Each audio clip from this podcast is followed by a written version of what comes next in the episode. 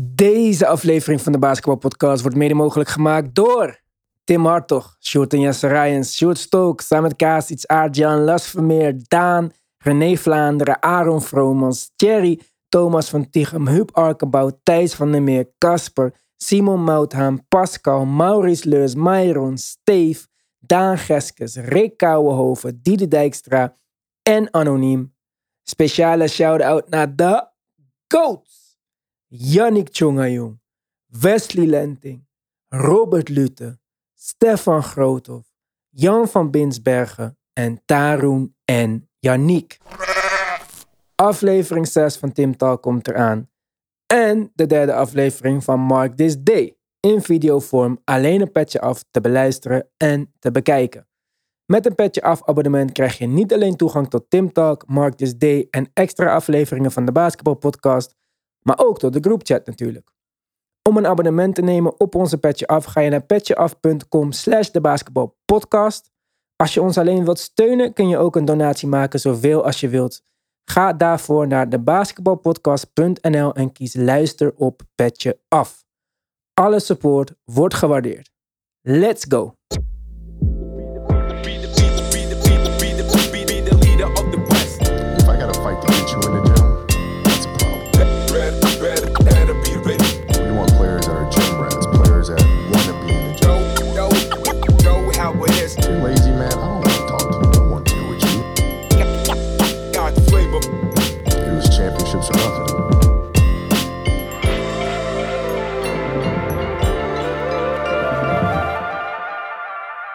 Ja, wij zijn druk in de weer met de voorbereidingen voor volgend jaar. Er moest het een en ander eh, geklust worden en uitgezocht.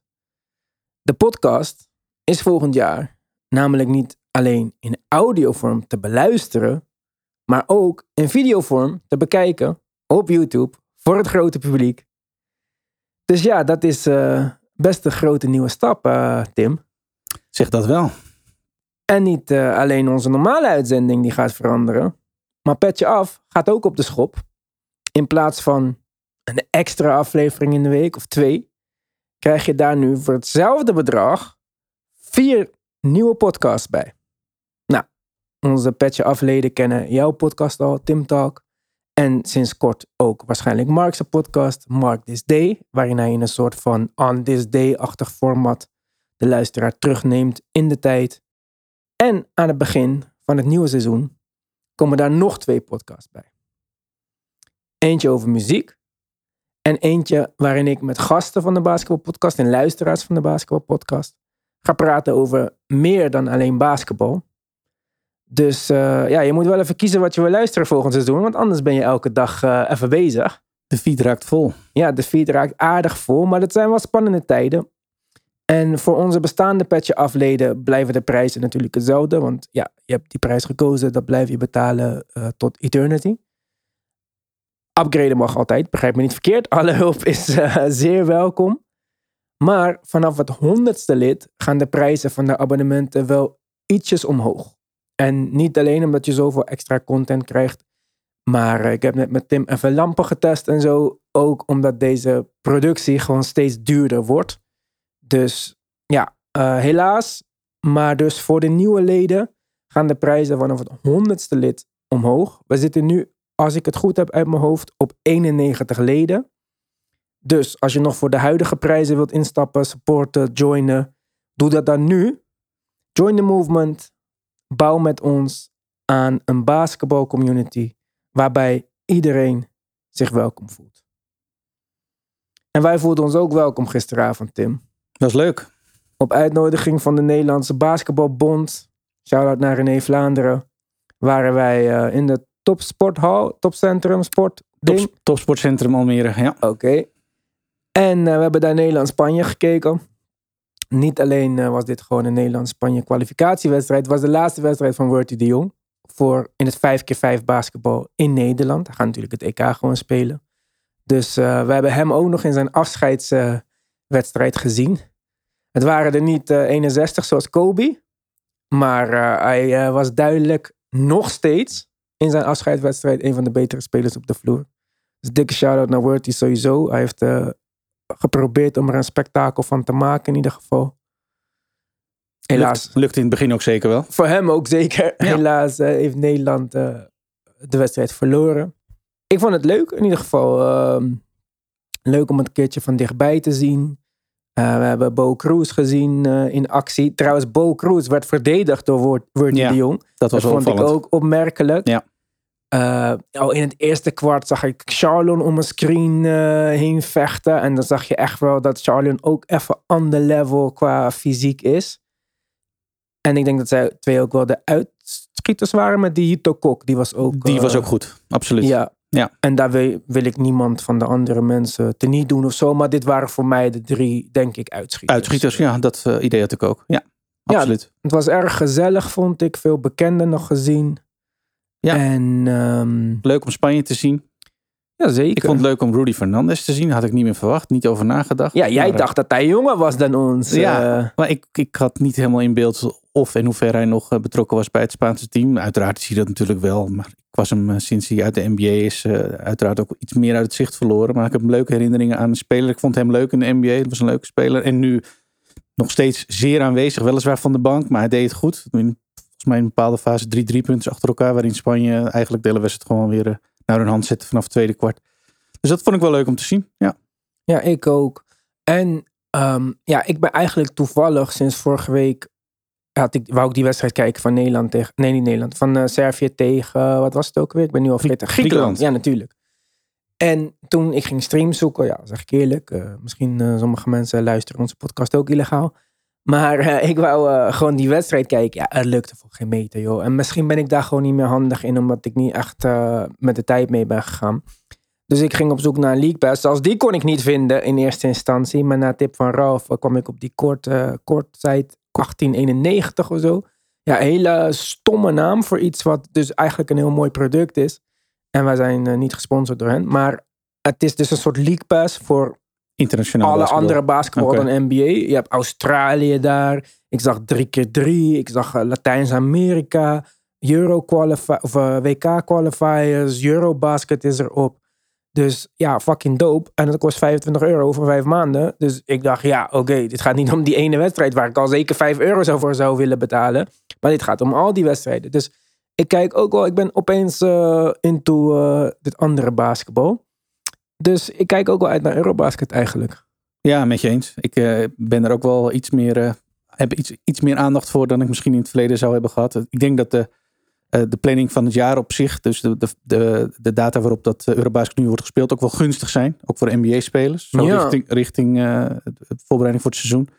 Dus ik denk dat ook vanuit Amerika er wel serieus aandacht zal zijn voor Eurobasket. Waar je dat in het verleden misschien nog zag dat ze een beetje neerbuigend deden over alles wat er aan de andere kant van de plas gebeurde. Zeg maar. Denk Mhm. ik wel serieus dat het nu gevolgd gaat worden. Dus ja, Eurobasket zal aan aandacht eh, geen gebrek hebben, denk ik. En je hebt natuurlijk gewoon wedstrijden waarin eh, Luca en Ja. Jokic tegen elkaar spelen, tegen Giannis. Ja, ik weet niet of zij eh, in de top drie van de beste spelers van de NBA zijn, maar top vijf zijn ze zeker. Het zijn sterren in de NBA, misschien Ja, supersterren. Dus dat zie je bijna niet eens op de Olympische Spelen. Dus dit is wel echt. Ja, het is wel een nieuw hoofdstuk, denk ik, in het basketbal. Dat Europese spelers op dit niveau ook mee kunnen in de NBA. En daarom ook extra interessant. Een Ja. speler die even niet meer mee kan. Danilo Gallinari, gisteren Ja. meniscus gescheurd volgens mij. Ja, en dat was eh, goed en slecht nieuws. eh, omdat ze voor veel, veel ergere blessure vreesden. Zijn ACL natuurlijk. Die eh, uiteindelijk eh, nog wel in orde bleek. Dus eh, Ja, geen ligament damage. geen ligament eh, damage. Dus hij eh, gaat ja, al dan niet onder het mes waarschijnlijk wel. Maar ze weten nog niet hoe lang hij eruit is. Maar dat zal dus beperkter zijn dan eventuele ACL Ja. injury. Waarbij hij waarschijnlijk het jaar eh te, eh, Ja. gedag had kunnen zeggen. Zelfs als je die meniscus zou hechten, wat ik niet weet of ze dat gaan doen überhaupt met iemand van zijn leeftijd. Ja, precies. dan denk ik dat hij er nog voor de playoffs bij had kunnen zijn. En Boston heeft hem niet per se nodig, denk ik, in het regular season. Natuurlijk zou dat fijn zijn, maar ik, ga, ik denk niet dat je hoeft te zeggen van nou, ik denk niet dat hij het verschil is tussen home en away advantage in de playoffs. Nee, nee de- zowel Brogdon als hij waren natuurlijk eh, diepte signings. En zo moet je ze ook eh, Ja. waarderen, vind ik. Het zijn allebei prima spelers, maar eh, ze hebben hun gebruiksaanwijzing, zullen we maar zeggen. En ze zouden wat mij betreft van waarde kunnen zijn richting postseason en in postseason. Als niemand geblesseerd raakt op, dat, op die ploeg. Ja. Dus zo moeten we het ook zien. Het is voor hem zuur, want hij had natuurlijk Eurobasket willen spelen in, Ja, in zijn thuisstad. zeker voor hem en voor alle Italiaanse luisteraars die wij hebben. Nou, ik weet ik alleen Benedetto. Maar eh, ja, dat was leuk geweest. Maar ja, we gaan zien. Eh, volgende week eh, begint het. Ja. Nederland, eerste wedstrijd is op vrijdagavond tegen Servië. Dus ehm, Meteen een goeie. het is meteen een leuke wedstrijd. Ja. Kan je onze Orange Lions aan het werk zien tegen Jokic. Hopelijk is Micic er weer bij. Dat zou echt leuk zijn. Die speelde niet eens tegen Griekenland. Servië won alsnog. Ja. Dus ja, dat is allemaal erg leuk. Ik, eh, ik kijk er wel naar uit. Ik wil het zeker gaan kijken. En eh, als er luisteraars zijn die denken van... Hey, eh, van die NBA ben ik niet super op de hoogte. Maar over Eurobasket en hoe heet die andere? Champions League van Europa. Ik weet het niet eens. Zie je, daarom heb ik iemand nodig. Euroleague? Euroleague. Ja. Ja. dus daarom heb ik iemand nodig die dat wel weet. Als je zegt van, nou kijk, ik na dit volg ik op de voet, hier heb ik verstand van. Meld je dan even op onze Instagram, at de basketbalpodcast. Of via onze e-mail info at debasketbalpodcast.nl. Misschien dat wij ook wel eh, ja, een eh, Euro-podcast eh, kunnen of willen beginnen. Goed, Danilo Gallinari geblesseerd. Niet de meest schokkende blessure in de hele NBA. Chet Holmgren, nummer 2 pick. Voetblessure. Als zoveelste. En ook als zoveelste rookie die zijn eerste jaar gaat missen. Hij treedt in de voetsporen. Dat was geen eh, pan. Van eh, Joel Embiid, Ben Simmons, Blake Griffin. Ja, dan zou ik er nog wel eentje vergeten hebben. Maar eh, die zijn eerste jaar gaat missen. Greg. Greg Oden. ja, oké, maar die heeft wel meer dan zijn eerste jaar gemist. Ja, dat wisten ze toen nog niet. ja. Maar inderdaad. Maar goed, die drie zijn redelijk goed teruggekomen Ja. op Ben Simmons naam, maar dat had dan niks met zijn voeten te maken. Dus All-stars geworden. All-Stars geworden, zeker All-NBA geworden eh, Dus. zelfs. Dus dat is eh, nog wel oké. Ik hoorde iemand zeggen, als je dan geblesseerd moet raken en een jaar moet missen, dan is dat... Doe maar je eerste. doe dan maar het ja. eerste jaar. Ja, dat zei ik ook in de groupchat, toch? Van hoe erg vinden ze dit nou? Hij kan één jaar meekijken, hij kan gewend raken aan het reisschema, hij kan gewend raken aan de teamroutine. Correct. Hij kan een jaartje meekijken zonder dat hij daadwerkelijk voor de leeuwen wordt gegooid. Nou is Jet niet echt iemand waarvan ik denk dat voor de leeuwen worden gegooid hem erg in zijn hoofd gaat zitten. Want ja, hij is wel vol met zelfvertrouwen. Ah, Oogtegretig, ja zeker. Ja. Ja. Maar ja, het is zuur voor hem, denk ik voornamelijk. Maar ja, ik denk bijna dat zijn Presti eh dacht van... hey, dit is toch niet het allervervelendste? Want zelfs met hem erbij was het team niet een competing team. En niet eens echt een playoff team. Want hun hele frontline was letterlijk Chat en Poku. Die wegen met z'n tweeën minder dan ik. Ja. ja, klopt. Dat was inderdaad ook een beetje ehm, hoe ik reageerde. In eerste instantie dacht ik, oh shit, wat, wat, nou ja, wat erg allemaal. En in hoeverre heeft dit impact op de Thunder? En als je dat dan rustig een beetje eh, bekijkt, kom je ook al snel tot de conclusie, dit verandert hun tra- trajectory niet direct. En ehm, het is misschien voor hem persoonlijk weliswaar eh, een, eh, een, nou ja, een, kleine, een klein drama. Maar dit gaat de Thunder in the grand scheme of things niet mega veel impacten. Dus eh, ja, we gaan ze dit jaar gewoon nog het basketbal zien spelen wat we simpelweg al van ze verwachten. Dit was met Chet ook geen ploeg die opeens voor de play-in of de playoffs ging Dus spelen. dat. Dus ja, dit, dit kan. Dit kunnen ze hebben. Ja, en hij ook, denk ik. Ja, denk ik ook. En eh, het enige wat ik me dan wel afvraag is, wat gaat er met Shea gebeuren? Dat had ik ook. Want die werd natuurlijk niet als eerste speler ook van OKC eigenlijk gewoon gerust de tweede helft van het seizoen. Ja. En dan denk ik van ja, hoeveel jaar heeft hij daar nog zin in? Want zelfs als je zegt van ja, maar het is nog één jaar. Ja, maar wat is dan daarna? Want in het beste geval dat je dus weer een number one of two pick krijgt. Die number two pick is Scoot Henderson. Ja. Zo uh, oogt het. Ja. Daar is uh, onze vriend het niet mee eens. Ersin. Hij denkt dat dat de nummer één pick is. Vooralsnog kunnen dat. Maar die Ja. top 2 wordt wel overal genoemd. Maar goed, Dus, Wem ja. Banyama zouden ze goed kunnen gebruiken. Een big man. Ja. Ook met zijn eigen injury problemen. Maar Allah. Maar dan. Giddy, Shea, Dort, Chad en Wem Banyama is nog steeds vier jaar van wat? Playoffs? Misschien? Nee, maar goed, ze hebben natuurlijk een, een, een shitload aan draft assets klaarstaan om eventueel eh, mee te kunnen, de markt op te kunnen gaan om te gaan handelen. Dat is natuurlijk hun voordeel. Maar Dan moeten eh, die spelers wel beschikbaar zijn. Ja, dat is absoluut waar. En eh, precies, want in hoeverre willen spelers langterm spelen in OKC? Dat is natuurlijk wat vaker Ja. het probleem is gebleken. Dus eh, ze, hebben Ja, daar, ze hebben daar nog zat uitdagingen hoor. Maar ik ben het met je eens. De, eigenlijk de enige gedachte die bij mij blijft hangen na dit alles is wat, wat vindt Shea hiervan en hoe ziet hij het voor zich dat in feite de ontwikkeling van deze ploeg eh, ja, misschien wel een jaar vertraging oploopt. Ja. Je zou kunnen zeggen, als Chatter was geweest, dan hadden ze misschien kunnen zeggen, nou ga rennen en vliegen. En, en Shea is de ster op het team. En kijk hoe leuk het is, of hoe goed het al werkt. Ja, en, en nu eh, zet dat zichzelf toch een stap terug. Want ja, voor Shea, oké, hij is nog steeds de ster op het team. Maar ja, met Chet, bedoel, het is wel een speler met, eh, met een hoop potentie en een hoop talent. Hij had wel een impact gehad. Het is niet, eh, het is niet niemand. Dus Mm. da- daarin, in dat, in, op dat verhaal loopt dit, dit hele, eh, deze hele blessure natuurlijk wel een soort van vertraging op. Maar ja, eh, ik kan me voorstellen dat Shea misschien in een loop van dit seizoen zegt: Ik ben 24, ik wil meer. Ik wil Ja, meer. want volgend jaar is hij 25. Ja. En dan dat jaar daarna moet hij, is hij... Ja, het houdt op een keertje op. Hè? Hij is een max-speler op een team dat nog zo ver terug is geworpen in die ontwikkeling. Ja. Ja. hoort hij daar? En in hoeverre Ja, wil hij straks die, meer? en ook die ontwikkeling, wat je zegt van... eh, stel je voor van, nou oké, het ging best wel leuk. Nou, we treden voor twee veterans of zo. En hoeft niet per se allemaal supersterren, maar eentje misschien. Ja, dan ga je al treden voor iemand die een wat langer contract hebt. Dus stel je voor dat ze treden voor Bradley Beal. Acht picks, kunnen ze makkelijk geven. Ja. Dan wat?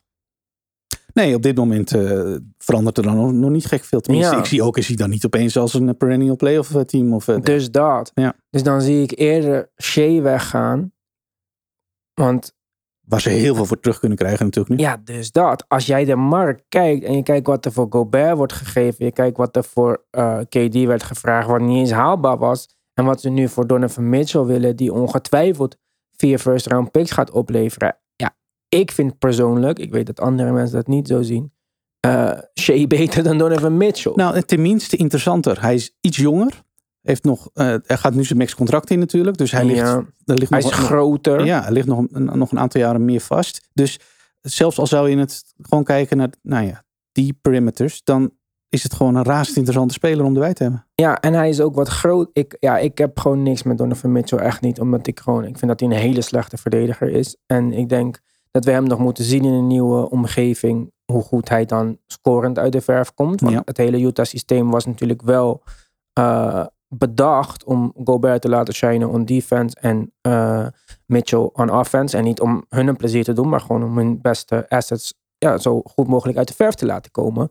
Dus ik wil dat nog wel eens zien in een nieuwe omgeving. Ik, ik weet, kijk, eh, Nix is natuurlijk de rumored target. eh, Ja.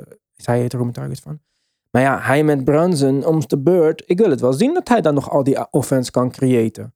Dus de Knicks bijvoorbeeld.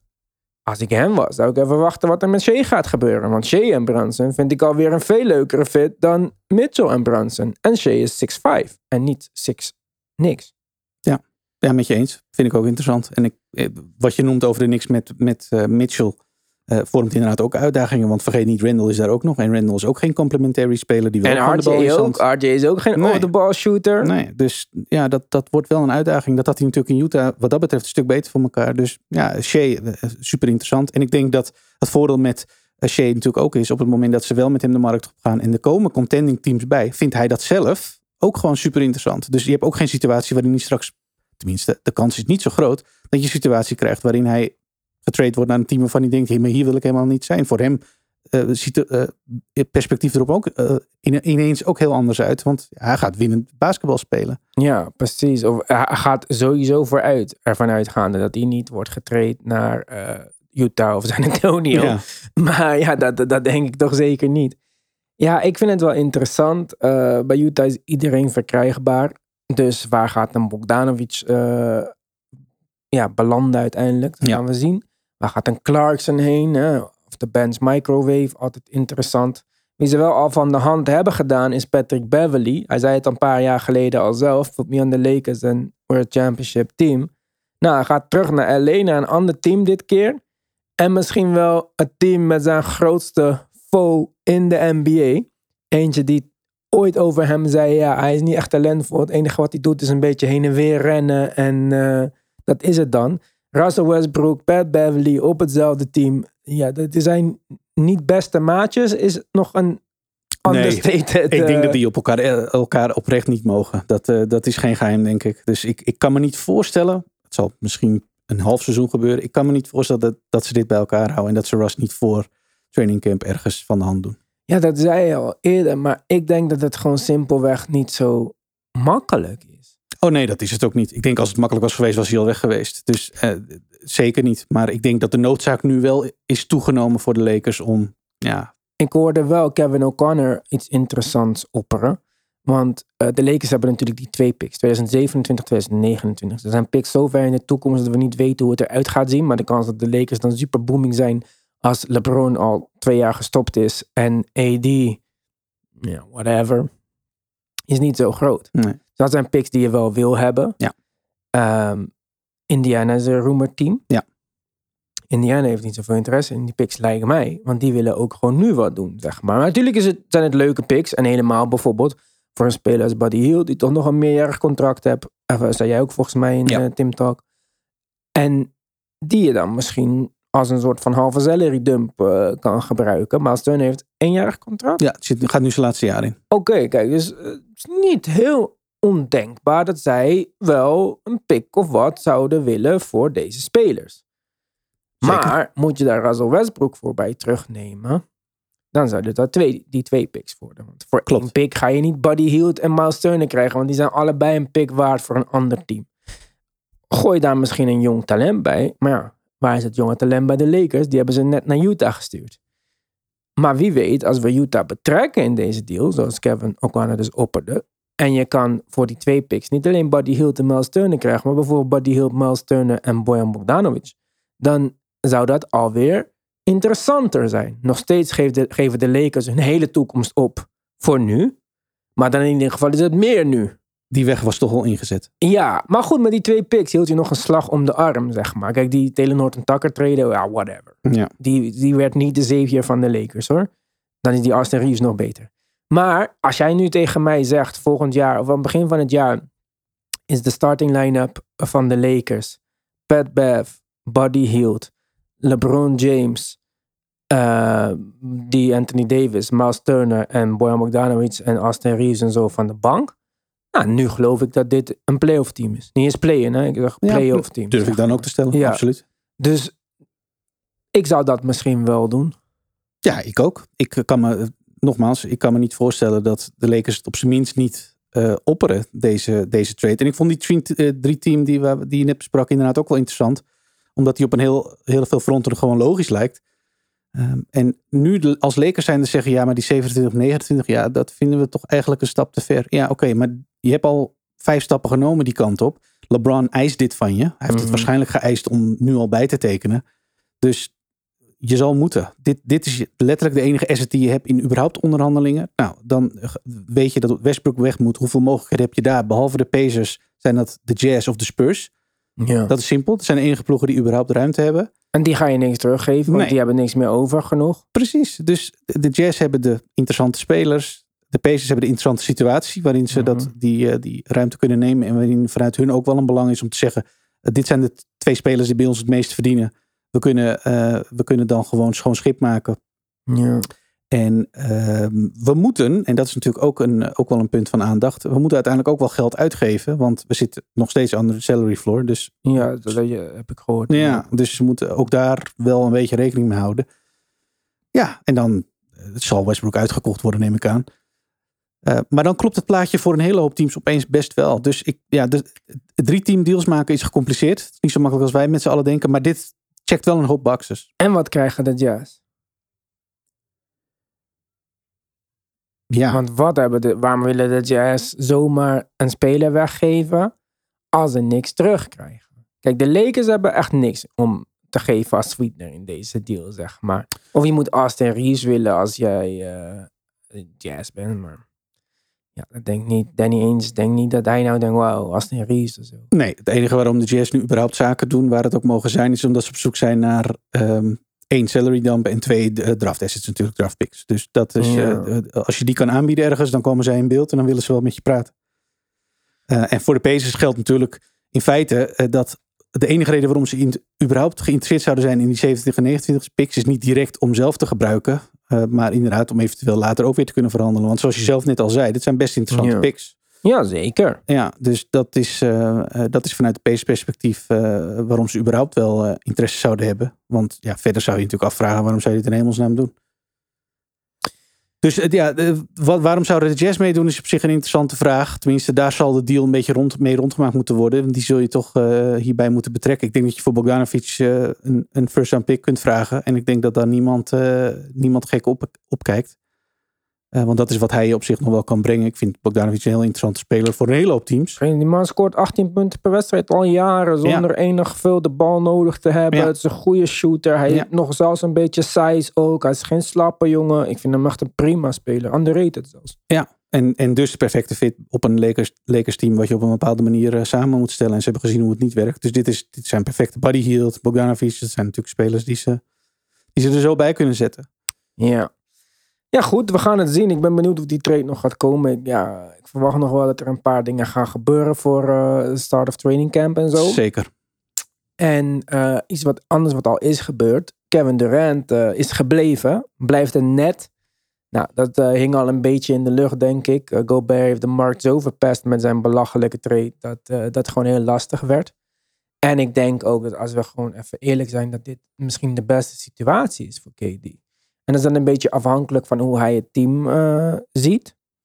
Maar ja, ik denk dat ze best wel mensen hebben aangetrokken die in ieder geval zouden kunnen spelen met deze drie spelers. Ervan uitgaande dat ze Ben Simmons als een onderdeel zien voor, de voor het aankomend seizoen.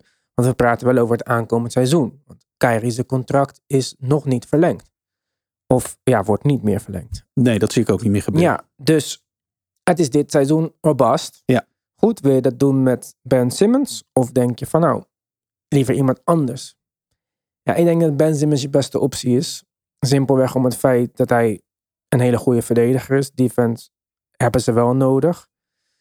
Ehm, wat mij dan weer minder enthousiast maakte, is eigenlijk dat een dag nadat het nieuws uitkwam dat KD zou blijven, het nieuws uitkwam dat ze willen dat Ben Simmons minutes at center gaat spelen Ja, dit jaar. las ik ook, ja. En toen dacht ik, nee, nee, nee, nee, nee jullie snappen het helemaal niet. Eh, iedereen vergelijkt Ben Simmons altijd met Draymond Green. Dat is naar mijn mening een mening van iemand die geen basketbal kijkt. Want hij is geen Draymond Green. Draymond Green is een playmaker in de post. Draymond Green is een screener. Dat is Ben Simmons niet. Of tenminste, misschien kan die dat. Maar dat heeft hij nog nooit laten zien. Ben, Simmons is een face to the basket. Super sized point guard. Wat je er ook van vindt of niet, dat is wat het is. Hij is op de break uitstekend. Hij is defensively uitstekend. En in halfcourt is hij tot nu toe nog waardeloos. Ik denk dat dat kan veranderen met afbal screenen en zo. Maar goed, dan zou er een coach moeten zijn die zo'n systeem implementeert. Zie ik niet 1, 2, 3 bij de Nets gebeuren. Maar Ben Simmons is geen post playmaker. Als ze dit van hem verwachten, gaat dit hele project gigantisch mislukken. Want dan ga je hem gewoon iets vragen wat hij niet is. Dat is alsof we nou KD een... ehm, ja, ik weet niet eens, KD kan veel. Ja, Dus, die kan vrij veel. Ja. ja, maar KD de point guard, distributor, niet de scorer Ja. gaan maken. Ja. Kijk, dit is gewoon een beetje kansloos. Dus ja, ik denk dat het misschien nog wel eens gecompliceerder gaat worden dan wat we nu denken. Of wat je zou denken op papier. Want als ik op papier kijk, zie Ben Simmons, Seth Curry, eh, Royce O'Neal of Joe Harris, Kyrie, KD en Nick Claxton. Dan ze moeten nog een backup big vinden. Maar goed, Ja. het wordt misschien een Tristan Thompson of whatever. Ja. Ja, moeizaam. Dit is ook, eh, dit- ja, het is geen kwestie van plug and play, dit team. Eh, dat, eh, ondanks dat ze de pieces die ze gehaald hebben, dat denk ik in, in bepaalde mate wel zijn. Ik denk dat ze met Royce O'Neal en TJ Warren, nou, daar hebben ze gewoon flyer opgenomen. Dus dat, dat kan alleen maar goed uitpakken, denk ik. Daar kun je niet zoveel op verliezen. Ja, maar dat vind ik ook prima spelers die daarbij passen. Ja. TJ Warren, het enige wat hij hoeft te doen is een beetje minutes op de bank Ja. scoren. En Royce O'Neal is gewoon een beter 3 verdedigende Joe Harris. Ja. Ja, Joe Harris kan beter schieten in de regular season. En Royce O'Neal's verdediging was ook niet zo goed het laatste jaar. Maar ja, dat zijn goede pieces. Ja. Ik weet niet of Nick Claxton 35 minuten per wedstrijd kan spelen. Nee, dat, dat vind ik ook moeizaam. Eh, maar goed, er waren natuurlijk ook al wel eh, meningen. En er zullen ongetwijfeld fases zijn waarin ze zonder die big spelen. En, eh, Met Ben Simmons op de vijf. ja, ja, Maar goed, we moeten ook eh, nog wat eh, kruid overhouden voor een netsuitzending. Want die gaan we van de week opnemen. We gaan van de week echt veel podcasts opnemen. Dus er komt veel aan binnenkort. Er komt een Box podcast aan. Een Mass podcast. Een Nets podcast. Een Hawks podcast. En een Lakers podcast. Allemaal leuke mensen. Dus eh, hou onze feed in de gaten. Ik weet niet welke als eerste zal verschijnen. Maar wij doen ons best. Zoals ik al zei, Petje Af is lid as fuck. Dus ga daar nu gelijk een abonnement op nemen. Als je dat nog niet hebt gedaan. Want eh, zoals ik in de intro zei, prijzen gaan omhoog jongens. Inflatie. Bedankt voor het luisteren en tot de volgende keer.